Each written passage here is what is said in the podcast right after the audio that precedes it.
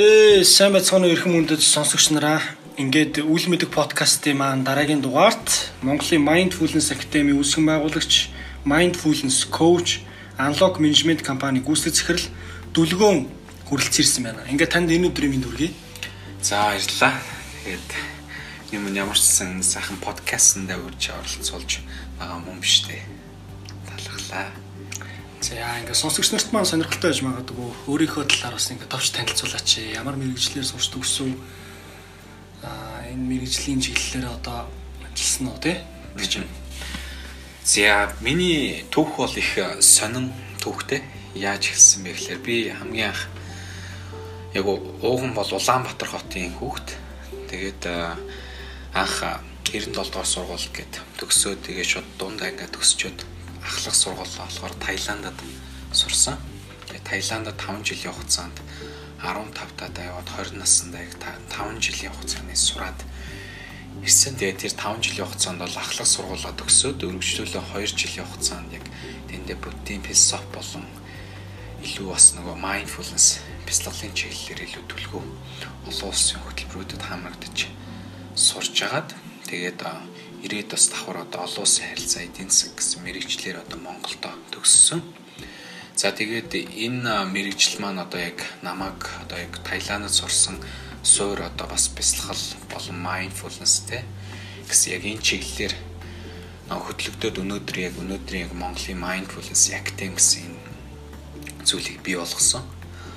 Тэгээ өнөөдөр ямар ч сан нийтдээ яг ирснээс хойш үндсэндээ яг 2012 оноос хойш өнөөдрийг хүртэлхээр нийтдээ 8 баг үндсэндээ 10 гаруй жилийн турш яг энэ mindfulness бясалгал тий яг бясалгал хувийн хөгжил сэтгэл зүйн эрүүл мэндийн талаар одоо ажиллаад суралцаад явж байна. За тэгээ миний яг одоо мэрэгжил одоо яг ийм одоо энэ чиглэлээр л ажиллаж байна да. За магадгүй одоо нөгөө нэг түрүүн олон улсын харилцаа эдийн засаг чиглэлээр мэрэгчлэр суралцсан гэсэн тий. Тэгвэл энэ мэрэгжлийг юу наах яагаад сонгох болсон юм бэ? Тухайд. За энэ мэрэгжлийг сонгох болсон шалтгаан маань юу байсан бэ гэхээр би өөрөө нөгөө Таиландад сурч исэн. Тэгээ Таиландад сураад ерөнхийдөө бол нөгөө суурь авч исэн. Яг сонгох болсон шалтгаан Тэгэхээр би ч өөрөө тэнд нөгөө огт анх Таиландд бол юу ч мэдэхгүй очиж исэн. Англи хэлчихгүй юу ч хөө. Тэгээд Таиландд яг тэнд очиод жоохон баг зэргийн анхан шатны ойлголттой очиод тэгээд англи Таиланд хэлийг сураад яг сурч төгснөхийн дараагаар ер нь би яг юу сурах вэ? Цаашдаа яг юу хийх вэ? Өөрийнхөө мэрэгжил карьерийг илүү яах вэ гэж бодож байгаа та эцэст нь яагаад энэ шийдвэр төгсөн бэ гэхээр би өөрөө нөгөө гадаад сурч исэн өмнө болохоор бас хятадд те тэгээд бас Таиландд ингээс сурч ирсэн болохоор илүү бас жоохон энэ гадаадас сурч ирсэн хил усаа илүү олон улсын хүрээнд олон улсын харилцаа те өргөөрөнд бас энэ хилээ нэгдүгээр сайжруулъя хоёрдугаарт бас яг энэ олон улсын төвшний энэ өөр олон улсын харилцаа чинь маш тийм өргөн сар үрээтэй тэгээ магистр болохоор дараагийн төвшөнд нь одоо сонголтоо хийе гэж бодсон. А тэр утгаараа одоо сонгосон шалтгаан маань бол миний яг нөгөө амх багаасаа яг а төсөөл яг одоо гадаадас суралцаж ингэж явсных болоо нөлөөсөн болов гэж бодож байна. За магадгүй нэг нэг олон улсын харилцаа эдийн засаг мэрэгчлэр хэлээр болохоор ажиллалгүйгээр эсэргээр одоо нөгөө нэг mindfulness coach гэдэг чиглэлээр мэрэгч ажилласан байна тий. Тэгвэл магадгүй яагаад мэрэгчлэр ажиллаагүй юм бэ? За мэрэгчлэрээ яг ажиллаагүй гэж одоо бас Тэгээ ер нь бол төгсөөд бол би мэрэгчлэрээ 3 ойролцоогоор нэг 3 жил орчим ажилласан.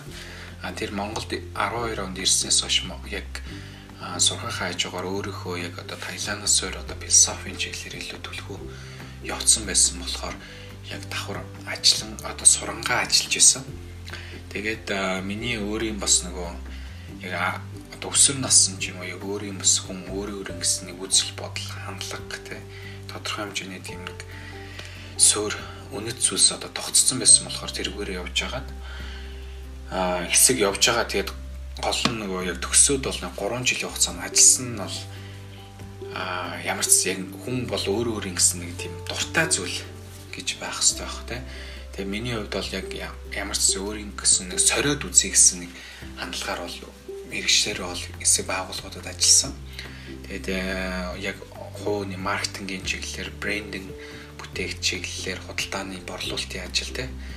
Тэгээд хамгийн сүүлд одоо яг энэ Шангрила Улаанбаатарт супервайзер үйлчлэгээний чиглэлээр ажиллаад тэгээд эргээгээд яг одоо өөрийн гэсэн яг нөгөө дур сонирхол те нэлийн дагуу яг энэ буцаагаад яг одоо mindfulness-ийн коуч гэсэн талын баримталж одоо яг эрчтэйгээр одоо өнгөрсөн жилээс бүр яг эрчтэйгээр яг бүтэн цагаа зориулаад энд одоо ажиллаж байгаа.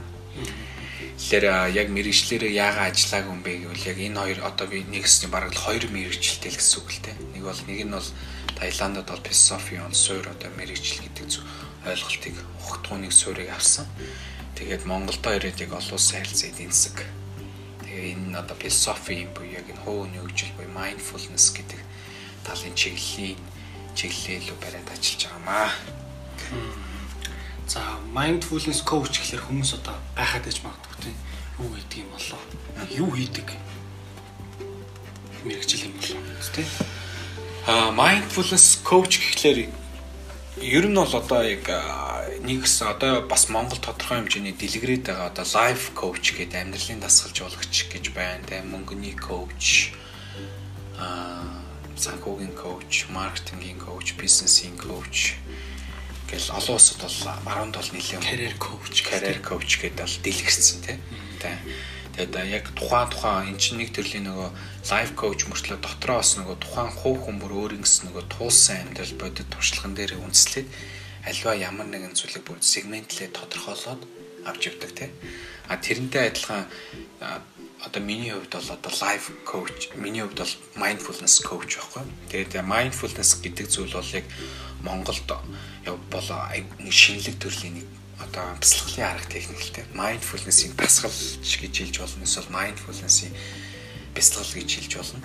Тэгээд яг энэ арга техник маань Монголд бол дэлгэрээд одоо дөнгөж саяхнаас дэлгэрээд байгаа. Удаагүй. Тэгээд mindfulness coach гэдэг бол тийгсэн сэтгэл зүйн эрүүл мэндийн коуч л гэж ойлгож болно.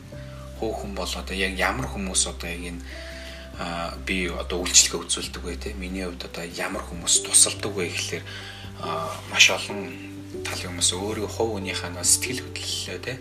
Өдөртөх зорилготой эсвэл бас өөрийнхөө уур уцаар те? Менеж одоо англи уур уцаараа менежийг зорилготой бүтээмжээ сайжруулах зорилготой эсвэл нойрны чанараа нэмэгдүүлэхтэй. Тэгээд ер нь бол хувийн өөрийн гэсэн одоо энэ сэтгэл зүй буюу тарих тарихныхаа одоо чадамжийг нэмэгдүүлэх зорилготой яг хувинтэй сэтгэл зүйтэй нь бол шууд холбоотой дасгалууд байдаг. Тэгээд яг mindfulness гэдэг бол ерөөсөө энгийнээр бол одоо хэлсэн зүгээр бах те яг юу гэсэн үг вэ те яг яа. Тэгэхээр бол нэгсний би өөрөө сэтгэл зүйн юм байна. Сэтгэл зүйн эрүүл мэндийн коуч те сэтгэл зүй тал руугаа сэтгэл зүй тал дээр одоо тухайн хүмүүс одоо тусалд дэмждэг.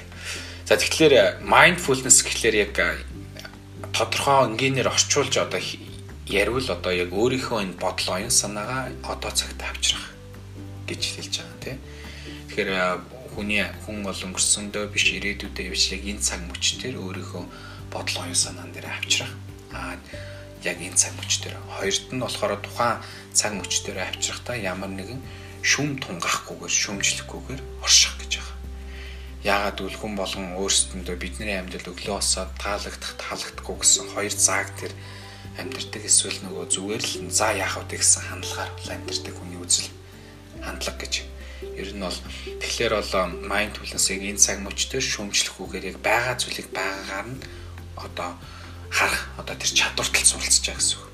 А тэр чадварт суралцсанараа бид нар яах вэ гэхээр хүүхэн өөрийнхөө амьдрал тохиолдож уус одоо янзан бүрийн олон төрлийн асуудлууд байдаг те. Гэр бүл санхүү хувийн ингээд бид нэр тоо таамшгүй тэр асуудлуудад хэрхэн эргээр зөв хандаж бодитоор хандах вэ а сэтгэл хөдлөлөөр хандахгүй.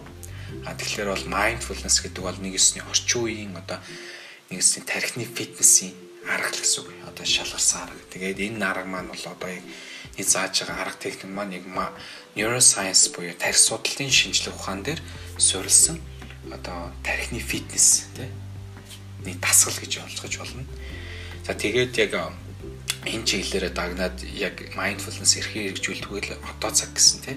Тэрээ болохоор амьсгалаараа амьсгалаа ажиглаж биеийн гадаргуун хэсэг тус бүрийг байгаагаар нь ажиглаж мэдрэх одоо замаар бид нар өөрсдөө энэ одоо mindfulness-ийн цаг мөчд орших чадварыг одоо суулгаж байгаа маа гэж ойлгоно. Ойлгож болно тий. Ойлгомжтой тий. Одоо таны сонгосон одоо энэ mindfulness coach гэдэг одоо мэрэгчлээ ямар ур чадваруудыг шаарддаг.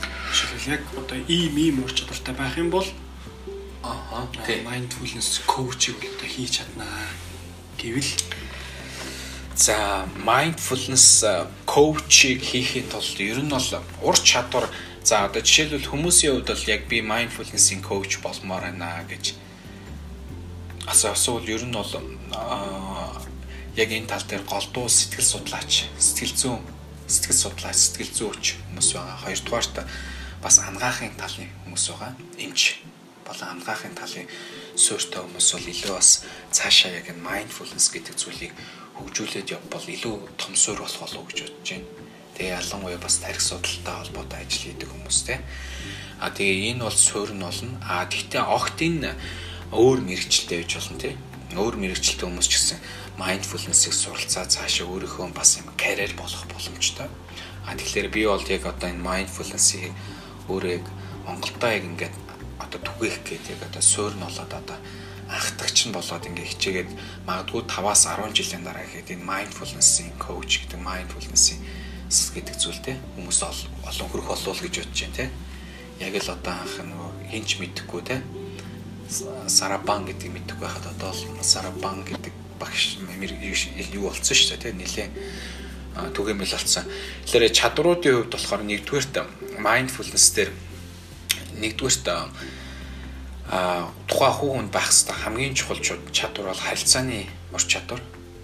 Тэ харилцааны ур чадвар гэдэг маань болохоор тухайн хүн өөрөө өөрийгөө бусдын оронд тавьж үздэг байх. Тэ тэр чадвар мэдрэмжтэй байх талаас харилцааны мэдрэмж, харилцааны чадвар маш чухал гэдэг. Хоёрдугаарт одоо хувийн өөрийн сэтгэл зүй эрүүл мэндийн талаар ойлголт маш чухал байдаг. Тэ сэтгэл зүй эрүүл мэнд талаасаа энэ сэтгэл зүй эрүүл мэнд талаасаа гэхээр одоо юу гэсэн үг вэ гэхээр ямар ч нэг тодорхой хэмжээний хүн сэтгэл хөдлөлөө emotional те сэтгэл хөдлөлөө хэрхэн одоо удирдах хэвээр юм те сэтгэл хөдлөлөө хэрхэн ер нь суур ойлголтуудыг олж авах хэвээр л доо а тэгжээч гэмээ одоо яг энэ mindfulness-ийг одоо илүү хүмүүс түгээх одоо суур нь болж өгнө. Тэгэхээр сэтгэл хөдлөл болон neuroscience буюу тарих судлалын талаар бас тодорхой хэмжээний ойлголттой байвал зүгээр. Тэгээд гурав дахь чухал зүйл нь бол одоо яг яг ийм одоо чадвар ч юм уу мэдлэг яриад байгаа нь за заавал хүн болгон ингээд нэг тодорхой хэмжээний хүн өөрөө уншаад өөрөө хичээх юм бол эдгээр зүйлүүд бол сууж болно. А гэхдээ гурав дахь бас одоо эдгээр зүйлээс хамгийн чухал зүйл би яг орхитуулаад хэлэх гээд байгаа зүйл нь бол хуу өөрөө нэг бусдад туслах гэсэн одоо чин хүсэл эрмэлзэлтэй байх хэрэгтэй тийм. Одоо бусдыг соён гэгэрүүлэх гэсэн үг тийм. Одоо ямар нэг энэ хин нэгэнд би нэг тусуулчих юмсан, энэ нэг өөрчилчих юмсан ч юм уу яг тодорхой хэмжээний нийгэмд одоо нэг гэгээлэг э, соёлыг түгээх юмсан, ойлголтыг өгөх юмсан мэдлэг одоо одоо мэдлэгээ ингээд харамгүй хуваалцах хүсэлтэй.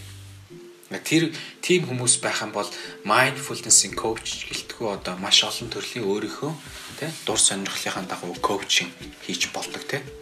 Тэгэхээр э, энэ бол маш чухал чадвар гэж бодож байна. Тэгэхээр энэ дээр нэмээд хэлэхэд бол хүүхэн өөрийгөө туслах яг итгэл үнэмшил буюу тэр өөрийнхөө хүсэж байгаа зүйлийг олоод мэдлэгээ хуваалцах юм байна. Тэгээд өөрийнхөө нэг тийм тодорхойлж өөрийгөө бүрэн гүйцэд ойлгох хэрэгтэй.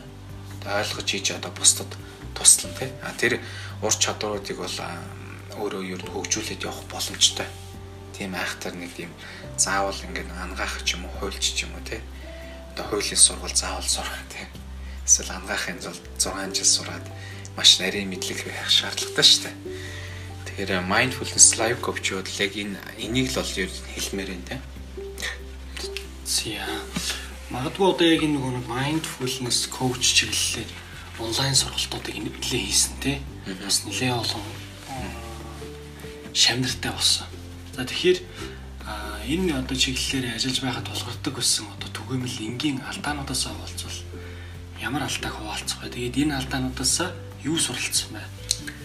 Яг энэ онлайн одоо сургалтуудаа зохион байгуулж байхдаа а яг манай Монголын Mindfulness Academy-с яг нийтдээ бол одоо бол суур унсан одоо 10 хоногийн mindfulness дээр service stress management 10 хоногийн сургалт байгаа. Тэр нь бол онлайнаар явагддаг.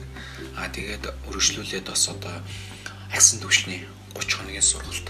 Тэгээд энэ сургалтууд маань нийтдээ mindfulness stress management тэгээд агсан түвшний mindfulness-ийн стресс менежментийн хөтөлбөрт сургалт тэгээд байгууллагууд байгууллагуудад зориулсан сургалт хүүхдийн сургалт те хөө хүмүүс зориулсан сургалт болон ганцаарчилсан коучингийн сургалт болон мэрэгжлийн эрүүл мэндийн professional те мэрэгжлийн эрүүл мэндийн байгууллагуудад зориулсан сургалт гэдэг үндсэндээ нэг яг 4-өөс 5 одоо яг энэ төрөлд задарч байгаа. За тэгээд яг эндээс болохоор яг одоо эрчимтэй явагдсан гэх юм бол яг одоо онлайн 10 хоногийн одоо онлайн сургалтууд маань нийтдээ 7 нийтдээ 7 удаагийн сургалт явагдсан. 200 гаруй хүмүүс бол хамрагдсан. Хөвд зөрүүлсэн. Тэгээд ангаах талаасаа гэх юм бол яг мэрэгжлийн байгууллагуудаас манахас яг аль биесны а 100 гаруй сувлагч нар хамрагдсан юм сургалтыг зохион байгуулсан байгаа. А тэр нь болохоор нийтдээ яг Монголын томоохон дөрвөн том эмнэлэг дээр халдварт хавдар сэтгэл судлал одоо сэтгцэн эмнэлэг А тэгээд гимтэл гэсэн яг энэ дөрвөн том эмнэлэг дээр яг mindfulness-ийг одоо суулгах одоо сургалтын бас энэ том ажлын ард гарсан. Тэгэхээр одоо яг Монголын бас ангаахын салбарч гэсэн одоо манай яг энэ mindfulness гэдэг зүйлийг илүү түлхүү ойлгож тэ ангаах талаас нь одоо яг ингээд маш их олон судалгаа гаргахыг хичээж одоо ажиллаж байгаа энэ дэр. Тэгээ энийг бас ингэж харж ингэж ажиллаж байгаа нь бас бидний хувьд бол маш их сайшаалтай сайхан зүйл байгаа. За тэгээ сургалтууд бол яг одоо мэрэгжлийн байгууллагуудад яг эрүүл мэндийн байгууллагуудад болон хүн төр чиглэгдэж явж байна. Тэгээд цаашдаа бол яг одоо хүүхдэд рүү чиглэсэн тэгээд бизнесийн байгууллагууд руу чиглэсэн одоо хөтөлбөрүүдийг бол тогтмол гаргаа явнаа. Олол яг уу захиалга бол богино хугацааны сургалтууд бол явагдаж байгаа. За тэгээд энэ дээр болохоор яг одоо тулгарч байгаа асуудал гэдэг чинь тийм ерөнхий одоо яг энэ энийг ингэж хийждэг байжтэй ч гэдэг юм тийм. Тийм а тулгарч байгаа асуудал гэх юм бол одоо яг энэ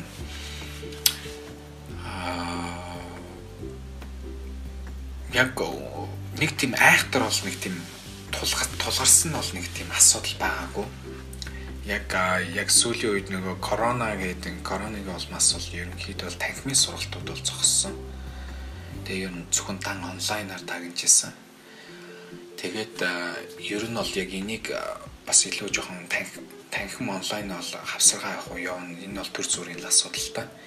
Тэр нэг бол тэр танхимын асуудал нэг хүмүүсийн хүсэж байгаа маш олон хүмүүс бол танхимын сургалтыг их аммаар гэсэн маш их хүсэлт ирүүлсэн. Тэгээ ямарсан танхимын сургалтаа бол зохион байгуулна.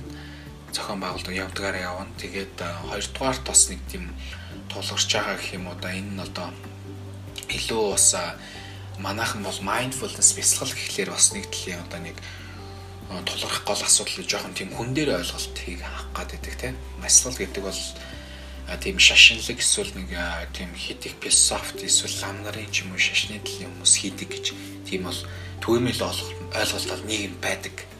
А гэхдээ яг одоо цаг мөчид байц бас илүү залуучууд бас их гоё сонирхоод ирдэг болсон тийм наацхийн одоо Монголч байж тухай дэлхийн томоохон одууд бүгд л одоо тодорхой хэмжээний өдөр тутамдаа бясалгалт хийж тэ өөрийнхөө сэтгэл зүй эрүүл мэндэд одоо анхаарал хандуулдаг болсон байна.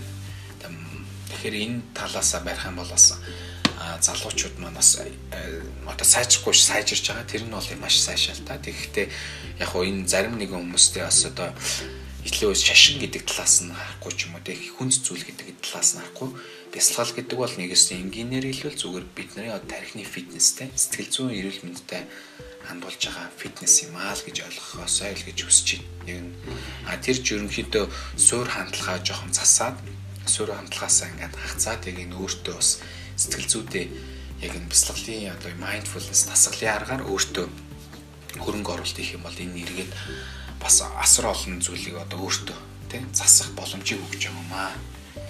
Аа. маш олон сэтгэл зүй асуудлууд. Тэгвэл одоо мэрэгчлэр ажиллаж байх үеийн амжилттай хэрэгжүүлсэн одоо сайн туршлага хуваалцуулъя юу хуваалцах вэ? Гасан үр дүн талаас юу? Тий одоо гасан үр дүн байж болно. Эсвэл одоо ийм магадгүй энэ нэг mindfulness coach буюу одоо mindfulness academy үсгэн байгууллаа шүү дээ. Тий. Тэгэхээр энэ үед одоо жишээлбэл амжилттай хэрэгжүүлсэн сайн туршлага гэвэл яг хэлэх вэ? Бас Unlock Management гэдэг компани байна тий. Тий. За манайх яг одоо бол Play Mindfulness Academy бол Unlock Management гэдэг бол яг тусдаа тусдаа л хэлбэртэй л дээ. Тэг аа ер нь бол яг энэ mindfulness-ээс яг сайн туршлагацсан хэлбэр одоо үр дүн гэх юм бол одоо түрүү ярьсан бол яг одоо ангаахын салбар тийм яг энэ mindfulness-ийг одоо туршилсан. Тэр бол одоо бас одоо хамгийн гайхалтай үр дүн. Яг одоо ангаахын ашуусын ангаах ухааны их сургуулиас тийм ээ яг энэ зүйлийг одоо ангаахын салбар одоо яг mindfulness гэдэг зүйлийг маш их одоо суралцаа цаашаа хөгжүүлэх хүсэж шүү дээ тийм.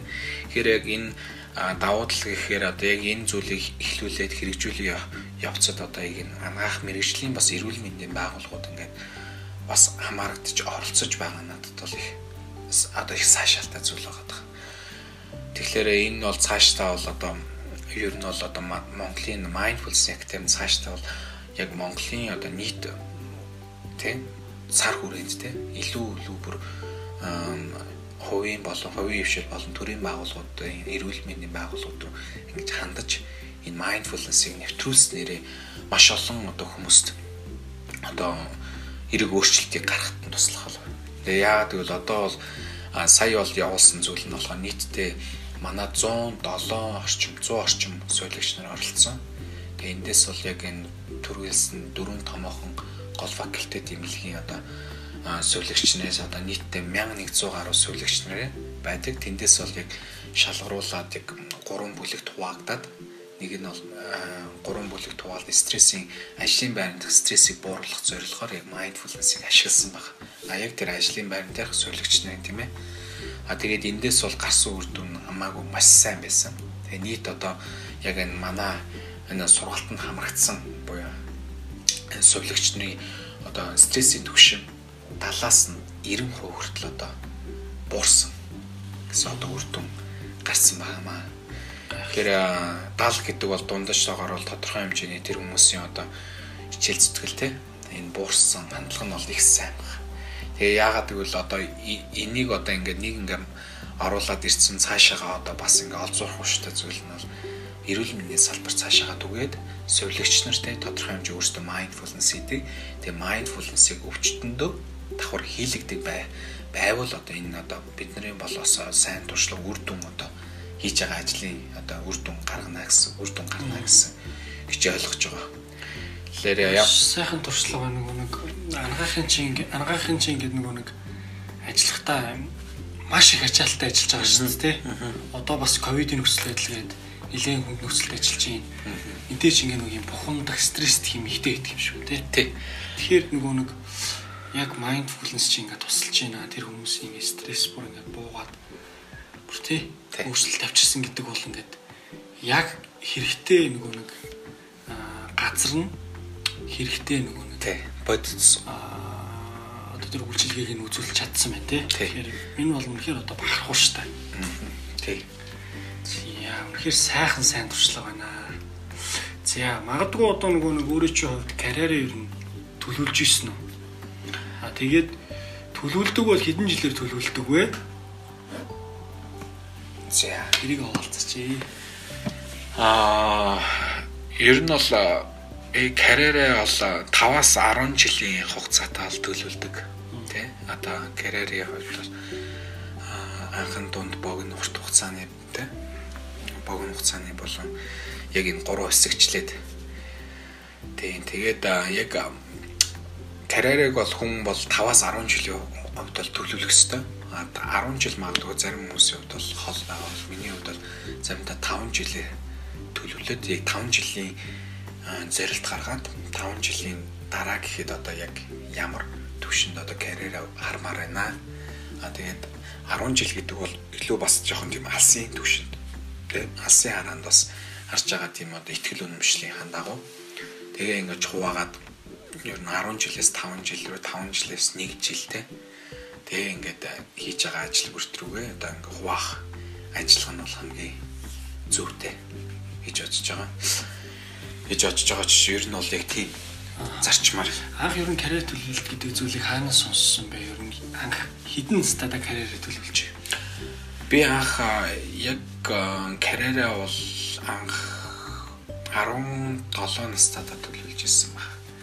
А тухай өмнө бол зүгээр яг анх 10 жилийн хүүхд тогтоод өнгөж 5 дугаар одоо 6 5 дугаар анги дөнгөж тун суугалаад өсөд бол ямар ч тийм ойлголт байхгүйсэн. Тэгээ хамгийн анхны миний зүгээр карьер төлөвлөлтийн хамгийн анхны зүгээр юу байсан бэ гэхээр би өөрөө бол ер нь бол баг ангид бол нэлээд тийм сахилгагүй дурсгүй нөхөрөөсөн. Тэгээд анх яг өөрчлөлтийг хийдтэй тийс 13 таа хийжсэн яг надад санагдтiin тэр бол маш тийм шийдэмгий одоо шийдвэр гаргалт байсан. А тэр үеэс эхлээд карьер гэх нь чааш одоо карьер гэх нь одоо ер нь одоо бол тэгж боддог. Тэгээд яг тэр өнөөдрийн одоо тэр гаргасан шийдвэр өнөөдрийн одоо намайг те дүлгөн гэдэг хүнийг одоо яг бий болгосон болов гэж бодож байгаа байхгүй.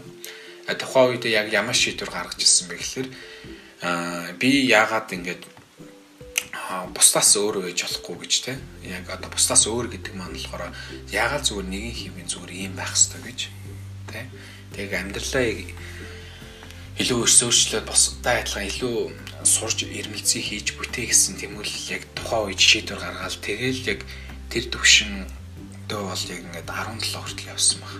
А тэгээд тэр төвшөндөө бол яг өөртөө бол зөвхөн одоо нөгөө карьер төлөвлөлт гэмээр өөртөө бол их хөрөнгө оруулалтуудыг өөртөө хийчихсэн. Өөртөө ямар хөрөнгө оруулалт гэхлээр зөвхөн өөрийнхөө одоо боловсролтой илүү цаг хугацаагаа маш ихээр зарцуулчихсан. Яг тэр үед бол тухайн үед бол Таиландд байсан яг Таиландд бол яг миний карьер төлөвлөлт буюу ойлголт те тийм талаар одоо суур одоо зүйлүүдийг бол яг Таиландд л олж авсан. А тэгээд тэрнээс хойш бол яг одоо өөрийнхөө карьер төлөвлөлтийг илүү цаасан дээр болгож те бичиж тэмдэглэдэг болсон те. За би одоо 10 жилийн дараа юм байна. 5 жилийн дараа гэх юм байна те. За энэ төвшөнд очих хэрэгтэй гэсэн нэг тийм үндсэн одоо нэг тийм зүйлүүдийг гаргаж ирсэн. За магадгүй одоо нэг ажлын гараа хаана эхэлчихээ те. А одоо өнөөгийн энэ Монголын Mindfulness Academy үүсгэн байгууллаад Unlock Management компаниг үүсгэх захирлыг хийх хүртэл те ямар урт замыг ер нь бол туулсан бэ? Тэр ажлын туршлагынхаа түүхээс олцооч. За тэр ажлын яг одоо миний хамгийн анхны одоо ажлын карьерийн эхлэл бол одоо би өөрөө Таиландын Таиланд төвдөө олон улсын байгууллага IBS олон улсын байгууллага гэж байсан. А тэгээд тэрний IBS Mongolia гэдэг Монгол дахь салбарын гүйцэтгэх захирлаар 2012 оноос 13 буюу яг 20 наснда гүйцэтгэх захирлын албан тушаалд очиж исэн. Маш залуухан гүйцэтгэх захирал хийсэн тийм. Тийм. Тухайн үед яг одоо нэг өсний олон улсын нэг тийм байгууллагт яг яг анх бол захирал дөнгөж ирээл удаагүй болж байсан. Тэгээд тэр нөхцөл байдалд бол надад бол маш их тийм хүн дээр хүн дээр ч нэгдсэн маш том сорилт болсон. Тэндээс бол маш их зүйлийг суралцсан. Тэгээ карьер төлөвлөлт маань үндсэндээ 20-оос 24 нас хүртэл бол яг олон улсын байгууллагаар тагнаж тэ. Олон улсын байгууллага дундаа тэр IBS гэдэг байгууллагын одоо хүрээнд одоо гүйцэтгэх цаглаа гэдэг тэрний дараа олон олон хүүхэд залуучууд руу чиглэсэн боловсролын төслүүд дээр удирдахчаар ажиллаад тэгээд аман болон бичлэгээ бичгийн хүртэл орчуулгууд дээр Таиландаас Монгол руу те Англиас Монгол руу гэх ер нь голдууд ихтэй Таиланд хэлнээс орчуулгуудын ажлыг давхар хийж үздэг байсан. Тэгээд тэндээс бол яг тийм карьерийн эхлэл бол яг бий болсон. Тэгэд яг тэгээд ажиллаа өгснөөс хойш 20 20 20-тод ажиллаа өгсөн. 21-т яг 13 онд ажиллаа өгчөө. Тэгээд тухайн үед бас давхар сурч ирсэн. Тэгээд яг нэг жилийн өрөөнд тэр ажиллаа өгсөхийн дараагаар өөрөө яг битаж дахиж нэг оюунлаг клуб гэд байгуулж ирсэн. Тэр нь болохоор оюунлаг залуусын Монголд гэсэн одоо урай лоозондор, урайндор яг оюунлаг залуусын Монголд гэдэг энэ нь болохоор яг Монголын ихтэй сургуулиудын оюутан залуучуудад те оюунлаг амьдарцгаая, оюунлаг байцгаая те эрэг байцгаая гэдэг яг гурван чиглэл дээр оюунлаг оюунлаг залуу хүн гэж ямар байх ёстой вэ гэвэл одоо нэгдүгээрт мэдлэгтэй байх ёстой, ур чадвартай байх ёстой. Тэгээ бие бэлтэр гэсэн ийм гурван зүйлийг одоо тулгуур олгоод оюунлаг гурвалжин гэсэн бол нэг тийм томьёолыг гаргаад яг тэр давуу бол залуучуудыг уриалж одоо хийжсэн. Тэг яг одоо би тааж оюунлаг клуб гэж бас байгуулж ирсэн. Яг олон нийтийн ажил дундаасаа тий. Тэгээ хамгийн сүүлд а дараа дараа нь болохоор юу яажсэн залуучдын өргөн чөлөө Ротракт клуб гэдэг 2016 онд байгуулж ирсэн. Тэр яг 16 оны 2 сард яг байгууллаа. Тэгээд залуучдын өргөн чөлөө нэгээс нь чинь бол сайн дурын ажил байсан. Сайн дурын ажил дундаа миний хувьд болохоор яг таалагдсан зүйл нь юу гэхээр Rotary International гэж олон улсын байгууллага нь өөрөө 1900 7 онд үүсгэн байгуулагдсан байдгийн. Тэгээд Paul Harris гэдэг энэ хүний өөрийн одоо хийж байгаа тэр энэ өөрийн сайн дурын ажил өөрөөсөө давж бусад үйлчлэлцгээ гэсэн ихтгэл үнэмшил нь өөрөө надад бас таалагдсан учраас яг тэр хоёр дахь клуб бол яг Rotary International-ыг сонгож залуучдын өргөнжил Rotary клубыг 2016 онд үүсгэн байгуулад нэг жил яг үс одоо ерөнхийлөгчийн албанд одоо ашиж ажилласан. Тэгээд 17 оны хүртэл за тэгээд ер нь бол яг тэр үеэс хойш яг үндсэндээ 4 жилийн хугацаанд яг ингээд нэг юм циклэр те одоо нэг харвал яг 4 жилийн хугацаанд яг олон нийт сайн дур те одоо яг нийгмийн сайн сайхны төлөө олон улсын байгууллага те олон улсын байгууллагуудаар болон нийгэм үчигээс одоо олон төсөл хөтөлбөр боловсролын тийм төслүүдээр ажилласан одоо карьер эхлэл маань байсан. Эхлэлүүд явуулж байсан. Тэгээ 16 оноос хойш 2020 он хүртэл ер нь бол илүү жоохон 19 он дараачийн одоо 4 жилийг бол илүү нөгөө аа илүү төлхөө юу гэсэн бизнесийн чиглэл рүү орж исэн. Яг бизнесийн чиглэл рүү энэ 16 онд хамгийн анх би өөрөө үйлчлэгээний салбарт ажиллаж байсан.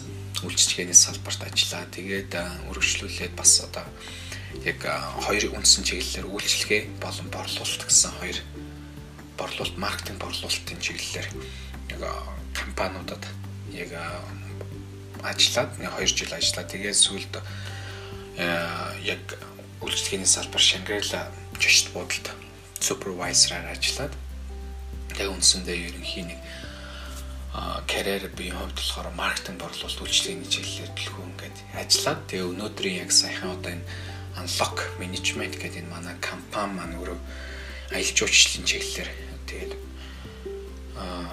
ажиллаж байгаа 19 оноос яг одоо би дааж өөрөө яг энэ аялал жуулчлалынхаа бизнес буюу ажил мэргэжлийг эхлүүлсэн. А давхар тэгээд боловсролын чиглэл дээр ажилласан. Одоо яг хийж байгаа ажил маань илүү төлхөө одоо аялал жуулчлал болон боловсролын чиглэлд тулгуурлаж одоо ажил хийж байна. Тэгээд түүнийг илүү чанаржуулж одоо одоо илүү үр дүнтэй бас хүмүүст хүрэх тал дээр маш ажиллаж явж байгаамаа. Ажиллаж явж байна. Тэгээд аялал жуулчлалын хувьд бол яг unlock management гэдэг unlock issue travel гэж байдаг. Тэгээд 19 оноос яг би дагаад өмнө бол одоо Таиландд бол 17 оноос нийт 10 гаруй жил биш те 2007 оноос яг Таиланд руу явсан гэхлээр 19 он нийтдээ үндсэн 10 гаруй жилийн турш Таиландтай холбогдчихсан. А тэр үед бол одоо голдуу нөгөө сургалтуудыг Таиландд тренинг 2-7 хоног 1 сарын хугацаатай оюутан залуучууд сонирхсан хүмүүсийн чиглэлээр сургалтуудыг зохион байгуулж авч явдаг байсан.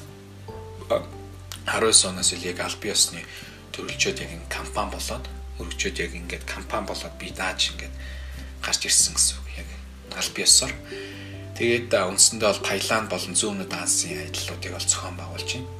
Тэгээд яг төлхөө гол чиглэлээрээ тэгээд илүү бас юмнуудаа төрөлжүүлж байгаа маа. Тэгээд mindful Монголын mindfulness academy тэг бол бас өнгөрсөн оноос яг гарч ирсэн. Тэгээд яг ингээд хийдэг карьераа ваавал яг ийм байна. Тэгээд өнөөдрийн төвшөнд одоо ийм ингэж явсаар агаал одоо ирсэн байгаа юм да. За магадгүй одоо жишээлбэл тийм нэг mindfulness коуч чиглэлээр те сурах гэж байгаа эсвэл одоо нөгөө нэг ажиллах гэж байгаа залуучууд байвал аа ер нь ямар зөвлөгөө өгөх вэ? Аа ажиллах гэж байгаа залуучууд уу? Тийм ажиллах гэж байгаа эсвэл энэ чиглэлээр сурч өөрийгөө бэлтгэх гэж байгаа тий. Тийм залуучууд байвал юу хандаж ямар зөвлөх вэ? За тэрэн дээр бол ийм байвал зүгээр ягаад. За яг mindfulness coach гэдэг зүйл бол одоо л нэгэсний бас сэтгэл судлал гээл те Монголд бол саяхан бол шинхэн зүйлсэн тий одоо бол тодорхой хэмжээний хүмүүс бас ингээд сэтгэл зүйн зөвлөгөө авдаг ойлгодог болсон. Тэгээд бас life coach, амьдралын дасгалжуулагч, мөнгөний карьер дасгалж коуч гээл те. Эдгээр зүйлийг ойлгодог болсон. Тэгээд яг ийм залуучуудад өгөх зөвлөгөө гэвэл одоо илүү миний зүгээс бол яг бүр илүү яг энэ mindfulness-ийн илүү олон хүнд үгэж илүү чанартай scientific буюу шинжлэх ухаанлаг хүргэе гэж бодож явал илүү сэтгэл судлалаар сурцсан байвал зүгээр эсвэл одоо тарих судлалаар ч юм уу те эсвэл эрүүл мэндийн чиглэлээр суралцсан байвал зүгээр гэж хувьдаа бол бодож байна. Тэгээд а хоёрдугаар гэх юм бол одоо ерөнхийдөө бол сая түрүүн хэлсэнчлэн яг одоо mindfulness-ийг ер нь бол коучингээр ажиллах гэж байгаа хүмүүс бол илүү тодорхой хэмжээнд нэг тийм өөрөө яг бие даагаад нэг нэг сарын турш ч юм уу те яг юм курст суугаад үзээсэй гэж бодож байна. Mindfulness coach гэдэг чинь илүү хоохон өөрөө өөрийнхөө дотгошоо хандж байгаа гэсэн үг шүү дээ. Хоохон өөрөө өөрийнхөө ойлгохыг ирмэлж чинь өөрөө өөрийнхөө бие хүн гэж юм бэ те. Тэгээд сэтгэл зүйн талаас сэтгэл хөдлөлийн талаас олон хэлбэрүүд те тэр бүхнийг ойлгох судалж мэдэрч ийж тэгээд илүү бусдад хүрнэ гэж бодож байна. Одоо бодож байгаа тэгчиж одоо яг хүмүүст туслана. Яг өөрөө ер нь сайн дурын ажил хийдэг үү? А тэгээд хэрвээ хийдэг бол яагаад өөрийн чинь амьдралд сайн дурын ажил чухал байна вэ? За сайн дурын ажил миний хувьд бол асар чухал. Яагаад тэгэхээр сайн дурын ажлыг би ямар зүгээс нь илүү харж хийх өсдөг вэ гэхээр хамгийн анх би түрүү хэлсэн 2007 оноос ахуулаад 12 онд ирээд яг Монголд тоолыг баг сайн дурын ажил 2008 оноос эхэлсэн. А тэгээ яг өөрөө яг өдөрт чиглүүлээ, санаачлаа, зохион байгуулад оролцоод явсан бол 2012 он байдаг. Тэгээд миний хувьд болохоор сайн дурын ажил бол яг энэ залуучуудыг дан ганц одоо бол яг залуучууд бол илүү нэг зарим хүмүүсийн хувьд бол яг тодорхой хэмжээний зүгээр нэг юм гадагшаага магистр ч юм уу тий? Бакалавр ч юм уу нэг суралцах зорилгоор ч юм уу нэг тийм нэг сайн дурын ажил хийчдэг ч юм уу тий? Нэг өөрийнхөө тодорхой хэмжээний CV-ндээ жоох нэг тийм түүх орвол ягаад гэвэл гадагшаа apply хийхэд бол тодорхой хэмжээний нийгэм рүү чиглэсэн үйл ажиллагаа тий санаачилсан тус дэмжлэг болсон зүйлүүдийг хардаг. А энэ яагаад гэвэл бэлээ яг тодорхой шалтгаантай. А гэхдээ одоо миний зүгээс илүү яг энэ зүйлийг бити хараасаа гэж бодож байна. Яг миний анх ууны үүднээс гэвэл яг ямар нэгэн тодорхой хэмжээний нэг юм зүйлд хүрчих юмсан ч юм уу нэг юм юм болчих юмсан ч гэсэн бодоагүй. Хамгийн анхны хүсэл эрмэлзэл юу байсан бэ гэхээр хүн өөрөө нэг би хувьдаа өөрөө тодорхой хэмжээ нийгэмдээ өөрийнхөө хувь нэмрээ оруулах гэсэн одоо хүсэл эрмэлзэл одоо тэмүүлэл байх хэрэгтэй байдаг. А тэр тэмүүллийнхаа үүднээс яг хоёр дахь зүйл гарч идэг тийм. А тэр тэмүүлэлгүй бол одоо тэр бол урагшаага явдаггүй. А тэгэхээр mindful сайн дурын ажил хийж байгаа миний яг хамгийн одоо давуу тал гэвэл нэгдүгээрт би ямарчсан хүсэл тэмүүллийнхаа дагуу өөрөө хүсэл сонирхлынхаа дагуу нийгэмдээ хувь нэмэр оруулж энэ өөрөө асар их тийм сэтгэлийн таашаал буюу асар их тийм үнцнийг өгдөг. Хүн гэдэг амьтан чи бол одоо мэдлсэн цагаас тодорхой хэмжээ утга учиртай амьдрах нь чухал үстэй тий. Утга учиртай зоригтой а бусдад үнс нэг бий болгох тий. Энэ зүйлийг энэ зорилгыг биелүүлэх ганц чухал зүйл бол сайн дурын байгуулах байдаг. За энэ ихний зүйл. Хоёр дахь нь болохоор сайн дурын байгууллагт ажиллах нэг чухал зүйл нь болохоор нет networking мэдээж бий болно тий. Хүрээллийн дагуу маш олон мэрэгжлийн хүмүүстэй уулзсан, чадварлаг хүмүүстэй уулзсан, мэдлэгтэй олон төрлийн янз бүрийн хүмүүстэй болсон. Энэ төрөл бүрийн хүмүүст нь таны амьдад асар их тийм үр өгөөж, асар их үнснийг бэлгэлдэг.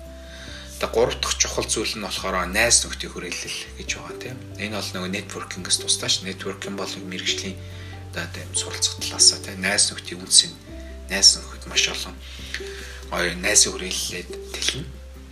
Дөрөвдүгээрт а яг энэ сайн дурын байгууллагт оролцоод явбал илүү суралцах чадвар байдаг. Яг байгууллага тус бүр өөр өөр гэсэн таны үндсэнтэй ч юм уу таны дотоод хүсэл тэмүүлэлтэй одоо юу нийцэж байгаа вэ те?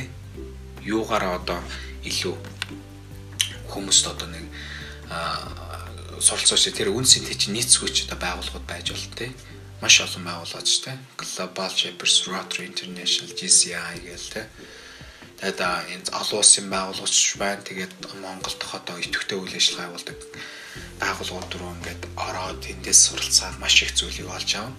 Тэгээ яг эдгээр ингэж одоо сайн дурын байгууллагт оролцсон надад өөрөө маш их тийм зүйлийг өгсөн. Тэр нь болохоор алстаа богино хугацаанд тэр алстаа маш их зүйлийг өгдөг.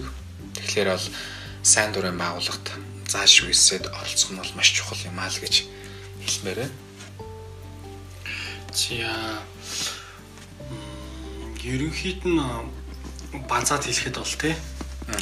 Дүлгөө маань болохоор олон улсын ярилцаа эдийн засаг орчин үеийн хэрэглээний одоо сэтгэл зүйн чиглэл буюу тий mindfulness коуч чиглэлээр мэрэгчсэн байгаа.